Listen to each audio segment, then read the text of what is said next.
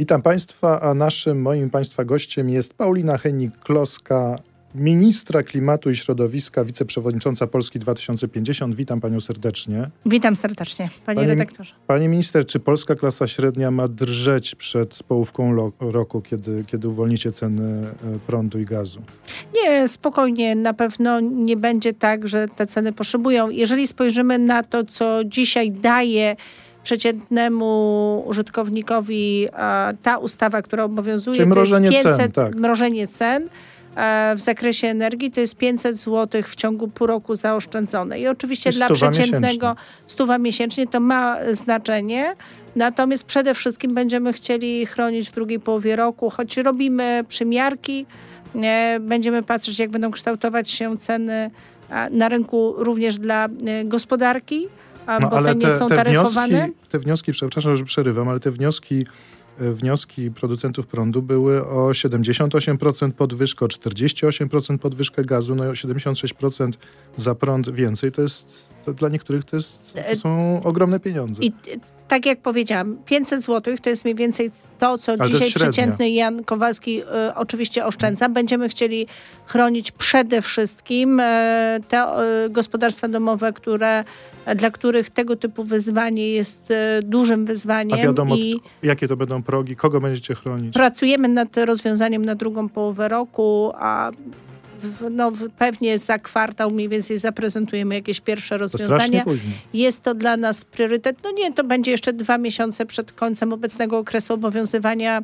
regulacji, natomiast na pewno jest tak, że będziemy chcieli tą uboższą sferę społeczeństwa bądź gospodarstwa ale według Pani uboższa, uboższa y, część społeczeństwa to są ci, co, co zarabiają minimalną na przykład? Jak to, jak to chcecie liczyć? Nie, nie będę dzisiaj mówić o żadnych e, konkretnych rozwiązaniach, bo próbujemy E, obserwując, tak jak powiedziałam, rynek, dopasować rozwiązania do też możliwości Dobrze. budżetowych. Dlaczego nie można po prostu mrozić cen energii dalej? Co, co w tym złego? E, jest to coraz większe, też e, musimy pamiętać, obciążenie budżetowe. Nie mamy na to już takich źródeł z tych cen regulowanych po drugiej stronie wytwórców, bo nie mamy już tak nadmiarowych zysków, jakie one miały miejsce rok temu. Natomiast z drugiej strony musimy coraz więcej pieniędzy inwestować, by docelowo wyjść e, z problemu. Tak? I to, Czyli rozumiem, że zamiast przepalać dzisiaj... pieniądze na, na mrożenie cen, no przepalać niektórym to pozwala żyć, ale E, to, to, lepiej inwestować w OZE i tak dalej, tak? O to Chcemy chodzi. wspierać gospodarstwa domowe w jeszcze większym zakresie w procesie transformacji i to będzie nasz priorytet na najbliższe miesiące. Ale co znaczy wspierać gospodarstwa domowe? E, zwiększać środki na takie programy jak czyste powietrze, mój prąd, ciepłe mieszkanie. To są te cele, które musimy wypełnić, czyli zwiększenie efektywności energetycznej naszych budynków, a co za tym idzie obniżenie rachunków no za dobrze, prąd, zaraz... czyli termomodernizacja, wymiana źródeł ciepła i jak największe zwiększenie puli środków na te cele. Czyli te pieniądze, które teraz dopłacacie do mrożenia cen prądu, wrócą do ludzi w formie programów e, dopłat do termomodernizacji i tak dalej. Dobrze, Będziemy ale... chcieli nawet jeszcze zwiększyć, bo e, w przyszłym roku będę chciała stworzyć, e, będziemy chcieli w ministerstwie stworzyć fundusz e, transformacyjny, do którego będą wpływać środki z ETS-ów, ze sprzedaży praw do emisji i one również muszą pójść na cele transformacyjne. Będziemy musieli przyspieszać z procesem transformacji, bo energia produkowana z węgla będzie energią coraz droższą, a energia z odnawialnych źródeł, im lepiej będzie się bilansować w tym systemie, Dobrze, to tym będzie tańsza. Króciutko piszą ludzie do RMF-u, piszą właściciele małych i średnich firm, fryzjerzy, właściciele siłowni, że już za styczeń dostali rachunki o 100% wyższe. Ktoś zamiast 3,5 tysiąca nagle widzi 7 tysięcy na rachunku. Mówię o małych firmach, podkreślam. Pani wie o co tu chodzi? to y, generalnie dotyczy przede wszystkim osób, które miały zamrożone taryfy, bo dawno temu podpisywały umowy, e, bo dziś e, ceny dla małych, średnich przedsiębiorstw są mniej więcej na poziomie cen mrożonych, więc zresztą myśmy to mrożenie dla e, A coś można dla nich zrobić? Oni... Natomiast do cen, mhm. do cen sprzed paru lat na pewno nie jesteśmy w stanie dziś wrócić, bo mamy inne okoliczności Rozumiem, że To są sytuacje, kiedy ktoś miał umowę ze swoim zakładem, podpisaną parę lat parę temu, ona się skończyła i teraz nagle... Wpada mhm. w obecne ceny. I rozumiem, że dla e, niego nie ma żadnego ratunku. No płać, Jest, płać mamy ceny przedłużone, również ceny regulowane tą ustawą, którą przyjmowaliśmy 8 grudnia, również dla małych przedsiębiorstw, ale one są wyższe od tych cen, które ale były parę lat wyższe temu. nawet? No to zależy kto jaką miał cenę, bo to są już ceny dwustronnie często negocjowane albo były przedłużane w, w oparciu o, o stare taryfy. Ciężko mi się dzisiaj odnieść do konkretnego przypadku, nie widząc umowy sprzed lat. Czyste powietrze. Ludzie się skarżą, że, że nie dostają na czas przyznanych im dotacji na wymianę piecy węglowych i termomodernizację budynków w ramach programu Czyste Powietrze. Co się dzieje? To była sytuacja skandaliczna.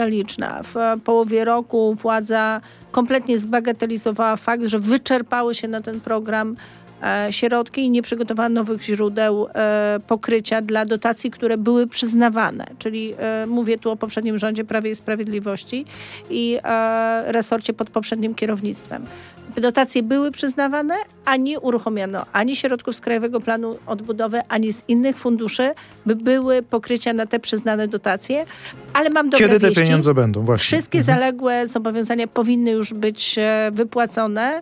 Te z przełomu grudnia i stycznia i dziś już mam nadzieję te wnioski są, przynajmniej ja mam takie informacje, że wnioski są rozpatrywane względnie na bieżąco.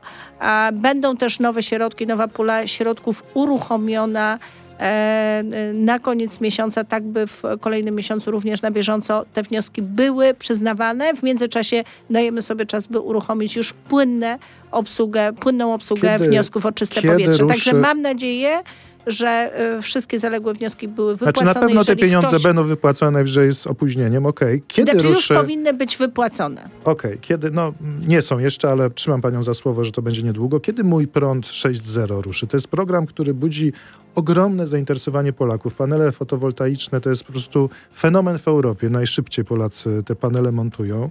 W programie 5.0 skończyły się pieniądze, programu 6.0 nie ma. Kiedy będzie?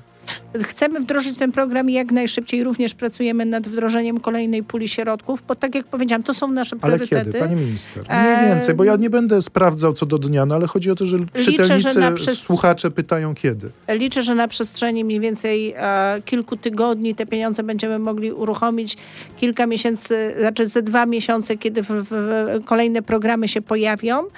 E, natomiast tu oczywiście musimy też systemowo programy poprawić, bo e, no, mamy problemy z podłączeniami, z e, wydajnością na przykład instalacji fotowoltaicznych. Dobrze wiemy, że w najgorętsze dni, najbardziej nasłonecznione dni jest problem z odbioru całej energii do no to, przyjęciem to do systemu. 20 lat przebudowy sieci energetycznej w Polsce. Sieci, Zaraz ale tego... też będziemy uruchamiać, będziemy uruchamiać również programy w ramach Funduszu Modernizacyjnego z środków EBI wnioskujemy o dodatkową pulę środków na magazyny energii, które będą wspierały zarówno Dobrze, sieci, rozumiem, że wiadomość jest taka, że ten program domowe. na pewno będzie. Bardzo, bardzo dziękuję. Żegnamy słuchacze RMF. Przenosimy się do internetu, do RMF 24 mediów społecznościowych. Tam zapytam panią ministrę między innymi o suwy i o to, jakim samochodem jeździ pani ministra. No dobrze, zanim przejdziemy do suwa, chcę jeszcze pani suwa. Wyczytałem w pani zeznaniu majątkowym, że jeździ pani suwem, co mnie zaskoczyło, ale to za chwilę. Chcę jeszcze dokończyć ten program Mój Prąd 6.0, bo tam jest ważna rzecz. Wy chyba planujecie dofinansowywanie też takich wiatraków przydomowych. Czy to jest prawda? W ramach e, programów e, europejskich jest przewidziany program na wiatraki przydomowe. To są malutkie instalacje e, przydomowe, które no jakby mogą wypełniać docelowo podobną rolę, jak, jaką wypełniają przydomowe instalacje fotowoltaiczne. Ale to jest tak, I że ten wiatrak, to, to niezręcznie panią pytać o wiatraki trochę. nie, to nie te wiatraki. to nie te wiatraki. Rozumiem, że to, są, to jest taki mały wiatrak, który może stać przy, po prostu przy domu. To jest domu, zupełnie ale innego typu jest, instalacja, niegłośna, stanie... nie generująca uciążliwość, mniej więcej na poziomie pompy ciepła, która również... Ale to nie jest e, równoważne z, z instalacją fotowoltaiczną. No, że, że, może osiągać taką samą moc. To nie jest aż tak, tak? To, to się jest... trochę inaczej technicznie y, kalkuluje, natomiast I będzie można dostać będziemy, pieniądze na taki wiatr. Myśmy tak? w tej chwili w ramach właśnie też Funduszu Modernizacyjnego wystąpili o purę środków na ten cel, bo te programy z środków europejskich dzisiaj idą w tę stronę i również te, te, taki wniosek złożyliśmy. Będziemy chcieli pulę środków na ten cel również przygotować. Dobrze. Pani minister, czy ministra klimatu powinna jeździć dużym suwem? Minister klimatu przez ostatnie miesiące, lata jeździła przede wszystkim pociągiem. Bardzo dobrze, bardzo bo się samochód, chwali, który jest w zeznaniu... moim oświadczeniu no majątkowym należy do mojego męża przede wszystkim i to głównie on nim jeździ, ja czasami na krótkim dystansie. Natomiast e, szczerze Jeszcze mówiąc... gorzej, no, po, po mieście pani jeździ suwem, to no, już w ogóle jest Zdarzy skandal. mi się przejechać. Znaczy nie, mam drugi malutki samochód i to jest mój samochód, mały, e, o małym silniku, małej mocy. E, natomiast do czego zmierzam? E, ja generalnie najczęściej faktycznie, znaczy z uwagi na wygodę, z uwagi na właśnie niskoemisyjność, jeżeli ktoś mnie zna, to wie, że y, poruszam się przede wszystkim y, transfo, Ale y, dwa samochody w rodzinie, dwa samochody w rodzinie są. No, rodzina czteroosobowa, czasami po prostu są potrzebne faktycznie, natomiast generalnie naprawdę w tej chwili bardzo mało kilometrów robię prywatnie, a służbowo mam hybrydę, która po Warszawie jeździ na silniku elektrycznym. Dobrze, ja pytam o te suwy nie bez powodu. Jedna z organizacji ekologicznych nazywa suwy plagą współczesnych polskich miast. W ogóle suwy są plagą miast europejskich. Zajmują półtora razy więcej miejsca, spalają 20% paliwa więcej niż mniejsze samochody. Ważą pod dwie tony. Pani samochód waży jeden tam siedem, więc nie aż tyle. Nie mój małżonka. No dobrze, ale jest w pani oświadczeniu. Jest w pani oświadczeniu. Czasem pani, pani Tam nie ten jeździ. drugi jest mój, pan ma też e, to oświadczenie. Dobrze. E, Paryż chce ograniczyć liczbę suwów. E, czy pani uważa, że w polskich miastach też będziemy szli w taką stronę, żeby jednak e, nie można było sobie jeździć ciężarówką po mieście? Znaczy, prawda jest taka, że generalnie, żeby postawić na nowe technologie w transporcie, musimy sprawić, żeby one były bardziej dostępne i cenowo, i również pod kątem technologii e, dla większości obywateli. No, przykład, przejechanie z mojego miejsca zamieszkania do Warszawy i z powrotem dzisiaj żadną inną technologią niż zwykły samochód nie jest w zasadzie możliwe. No, nie mówię o środkach komunikacji zbiorowej, bo te oczywiście są. Samolotem nigdy do Warszawy pani, ja na przykład minister, nie, nie, latałam z uwagi na największy ślad bardzo, węglowy. Bardzo pochwalam. bardzo i, pochwalam, ale pani wie o co ja pytam. pytam o nie, krwawą rzecz. O to, czy, czy powinniśmy wprowadzić strefy czyste, czystego transportu? Czy powinniśmy, bo strefy czystego transportu niestety biją po głowie najbiedniejszych, czyli ci, którzy mają 20, w skrócie, no, ktoś, kto ma 27-letnie Seicento dostaje po głowie, a ktoś, kto ma wypasionego suwa z 2002 roku, tak jak pani minister, chociaż to jest powiedzmy klasa średnia ten samochód, zaczyna się na Kata, marka jest bardzo popularna w Polsce, to jest najpopularniejszy SUV, to oczywiście może jeździć tym samochodem, zajmując półtora miejsca parkingowego. I pytam, czy, czy pani by poparła taki pomysł, jak w Paryżu pani burmistrz Anne Hidalgo chce przeprowadzić referendum, no właśnie za parę dni będzie to referendum i pytanie będzie, czy nałożyć na suwy trzy razy wyższe opłaty za parkowanie, 18 euro za godzinę postoju w centrum w Paryżu, E, kosztowałoby postawienie sobie takiego, takiej półciężarówki, takiego suwa. 225 euro za, za 6 godzin. W Warszawie mój, by pani to poparła, czy nie? Mój suw akurat należy do małych, to tak jak pan no, zauważył. Nie mój, no. tylko małżonka. Natomiast okay. prawda, prawda jest też taka, że w gruncie rzeczy, jeżeli kogoś stać na droższy samochód, który zajmuje więcej miejsca, to naturalnie można zróżnicować w mojej ocenie takie opłaty.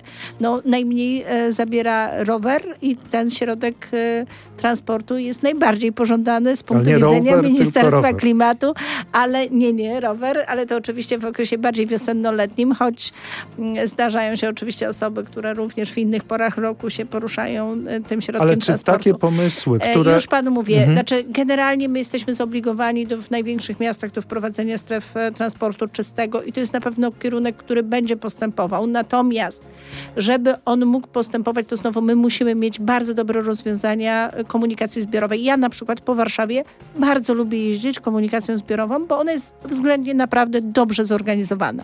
I jeżeli jedna z czasami trzeba jedna się z szybko... w Europie. Tak, i mhm. jeżeli trzeba się szybko przemieścić, to naprawdę czasami bardzo często jeżdżącymi, czy autobusami, czy metrem można się szybciej przemieścić niż samochodem, zwłaszcza no dobrze, w te ale ja bardziej pytam o krwawą rzecz. Czy zakazywać I, takich y, rzeczy jak wielkie samochody w miastach? Szli, czy w, tą stronę, w tę stronę będziemy szli, czy nie? Na pewno będziemy szli w taką stronę, że będą różnicować się ceny, E, w dwojaki sposób. E, I te, które zabierają miejsca, mogą być, to ja mówię, to jest indywidualna decyzja Rady Miasta, to jest indywidualna decyzja danego państwa, danego województwa. One mogą być regulowane. Dzisiaj jest to w Polsce regulacja, która jest w dyspozycji e, miast, rad i prezydentów miast i to oni na swoim terenie będą te regulacje wdrażać.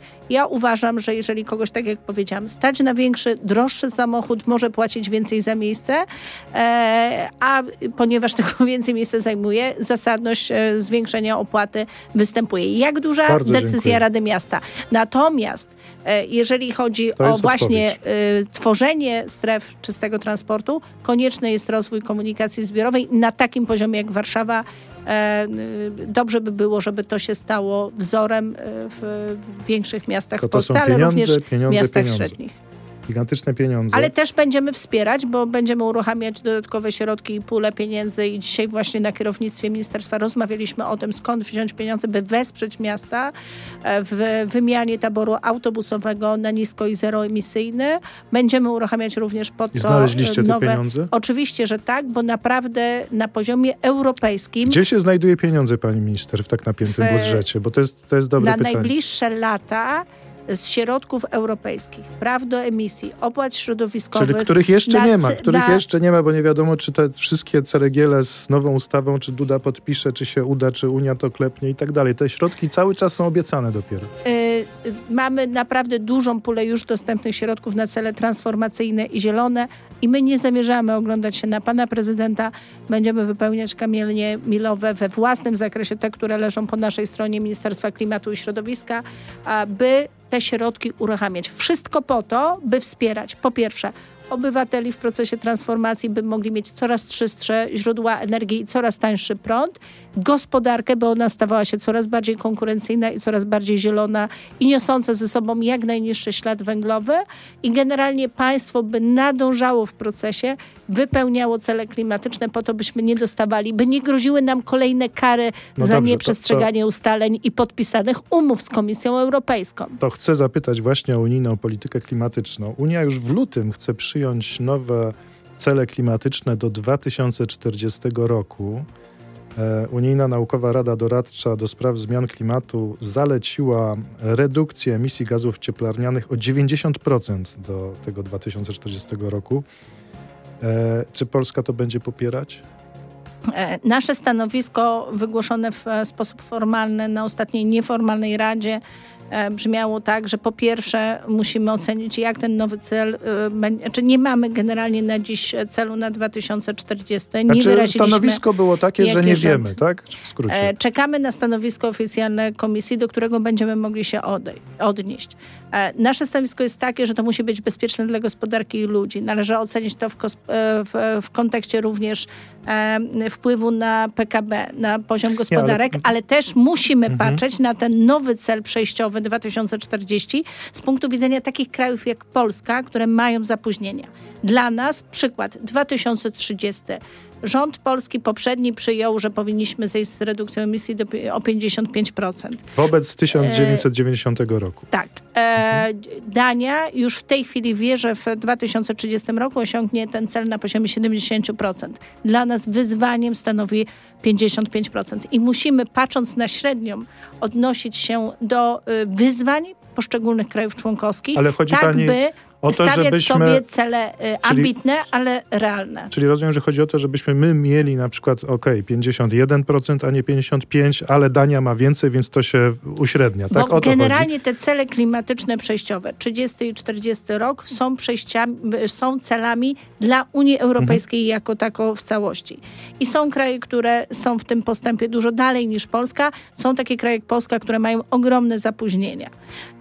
I my nie możemy dzisiaj wylać e, dziecka z kąpielą, ponieważ prosta zasada, da to tylko i wyłącznie parę populistom, będzie krzywdziło ludzi e, i będzie zmniejszało siłę naszej gospodarki nadmiernie, a siła Unii Europejskiej wynika z sił krajów członkowskich. Czyli I my tego nie poprzemy, mówiąc w skrócie. Nie, będziemy mądrze negocjować, panie redaktorze. Ale negocjować co? Dajcie więcej pieniędzy na transformację. Więcej pieniędzy, więcej certyfikatów bezpłatnych, żeby e, e, na ETS, żeby na przykład nasze Czyli rozumiem, że taktyka negocjacyjna nie jest tak jak do tej pory, że nie, bo nie i, i po naszym trupie rozumiem, tylko że pani dopuszcza, że to 90% Polska przyjmie, tak? Tylko przyjmie pod warunkiem. Dajcie jeszcze więcej na polską transformację. Na ten moment tak? oczywiście nie. Na ten moment będziemy chcieli obrać taki cel, który powiedziałam dla naszego kraju będzie bezpieczny. A jaki to jest bezpieczny Czekamy, cel? no w linii prostej między 55 a 100%, 100% mamy 70 gdzieś 5, 80%. W linii prostej. I pytanie, jaką krzywą będziemy rysować. Albo tą krzywą można Ale chcecie wynegocjować, żeby Polska miała mniejszy cel niż, niż no, średnia? Tak jak powiedziałam, średnia unijna będzie wskazana. Mhm. Natomiast ważne jest podejście dla poszczególnych krajów. A, I my będziemy, my zresztą teraz piszemy e, plan, który przedłożymy do Brukseli, który pokaże ścieżkę dojścia do celu w 2050 roku, a więc zero emisyjności. A, I e, no, liczymy na to, że te cele ambitne, ale do uciągnięcia dla naszego kraju przez Unię zostaną przyjęte według naszych krajowych planów e, poprawy sytuacji w e, energii i klimacie. Z tych wszystkich rzeczy, co by pani powiedziała, że jest takie najbardziej krwawe e, w polskiej transformacji energetycznej? Taka taka rzecz, która jest po prostu absolutnie na pierwszym miejscu, priorytetowa, to jest bez tego wszystko się zawali. Co to by było, jakbym o, o, tak zapytał? Przede wszystkim największym wyzwaniem stanowi, największe wyzwanie stanowi dla nas transport. Tak? Tutaj te zapóźnienia mamy największe, nie mamy żadnych transport? sieci. E, transport, żeby dojść do zeroemisyjnego transportu dzisiaj. To stanowi nie tylko dla nas no, Ale wyzwanie. transport to jest chyba tylko 13% naszych nie, emisji. Ja mówię pod kątem e, tego, co jest, pan zapytał, co jest problemowe. Tak? No, problemowe jest dojście do mhm. zeroemisyjności mhm. w transporcie mhm. dzisiaj z uwagi na dostępność technologii, ale też ogromne zapóźnienie. Ja mówię w tej puli. Mhm. Natomiast dla całości na pewno, no to wyzwanie jest e, duże też e, podejście do wygaszania kopalń, bo tu dotykamy czynnika społecznego i to musi być w, też w takim konsensusie społecznym, Będzie by zadbać o ludzi. Będziecie przesuwać odchodzi, ten termin odchodzi. wcześniej niż do 49 roku, jak ustalono, jak obiecano górnikom. Poprzednia władza obiecała 49, czyli święte przypomnę, nigdy tak naprawdę. Przypomnę, że tak naprawdę ten 49 nie został wynegocjowany, a, a ustawa o tak zwanej umowie społecznej nie dostała Czy notyfikacji. Będziecie próbować z górnikami na nowo e, negocjować? No to będzie wymagało oczywiście rozmów, natomiast ja przypomnę, że y, moja partia zakładała 2040 odejście od y, wydobycia i zeroemisyjności. Czyli żeby w 2040 już nie było Natomiast wydobycia w Polsce. Y, to były w naszych programach mhm. na poziomie rządu, a tak jak powiedziałam, piszemy program e, transformacji, bo przecież nie mamy tak naprawdę aktualizacji polskiej polityki energetycznej państwa na 2040 rok po wybuchu wojny e, mhm. na Ukrainie i e, ta aktualizacja powstała. E, ale nigdy nie została wprowadzona i dzisiaj piszemy ją, można powiedzieć, na nowo, również z tymi wszystkimi z zaległymi, strategicznymi dokumentami, które musimy Porozmawiamy o tym, o tym następnym razem. Bardzo dziękuję. Dzisiaj naszym gościem była Paulina Hennik-Kloska, ministra klimatu i środowiska. Bardzo pani minister dziękuję, a państwa zapraszam na popołudniową rozmowę jutro. Dziękuję.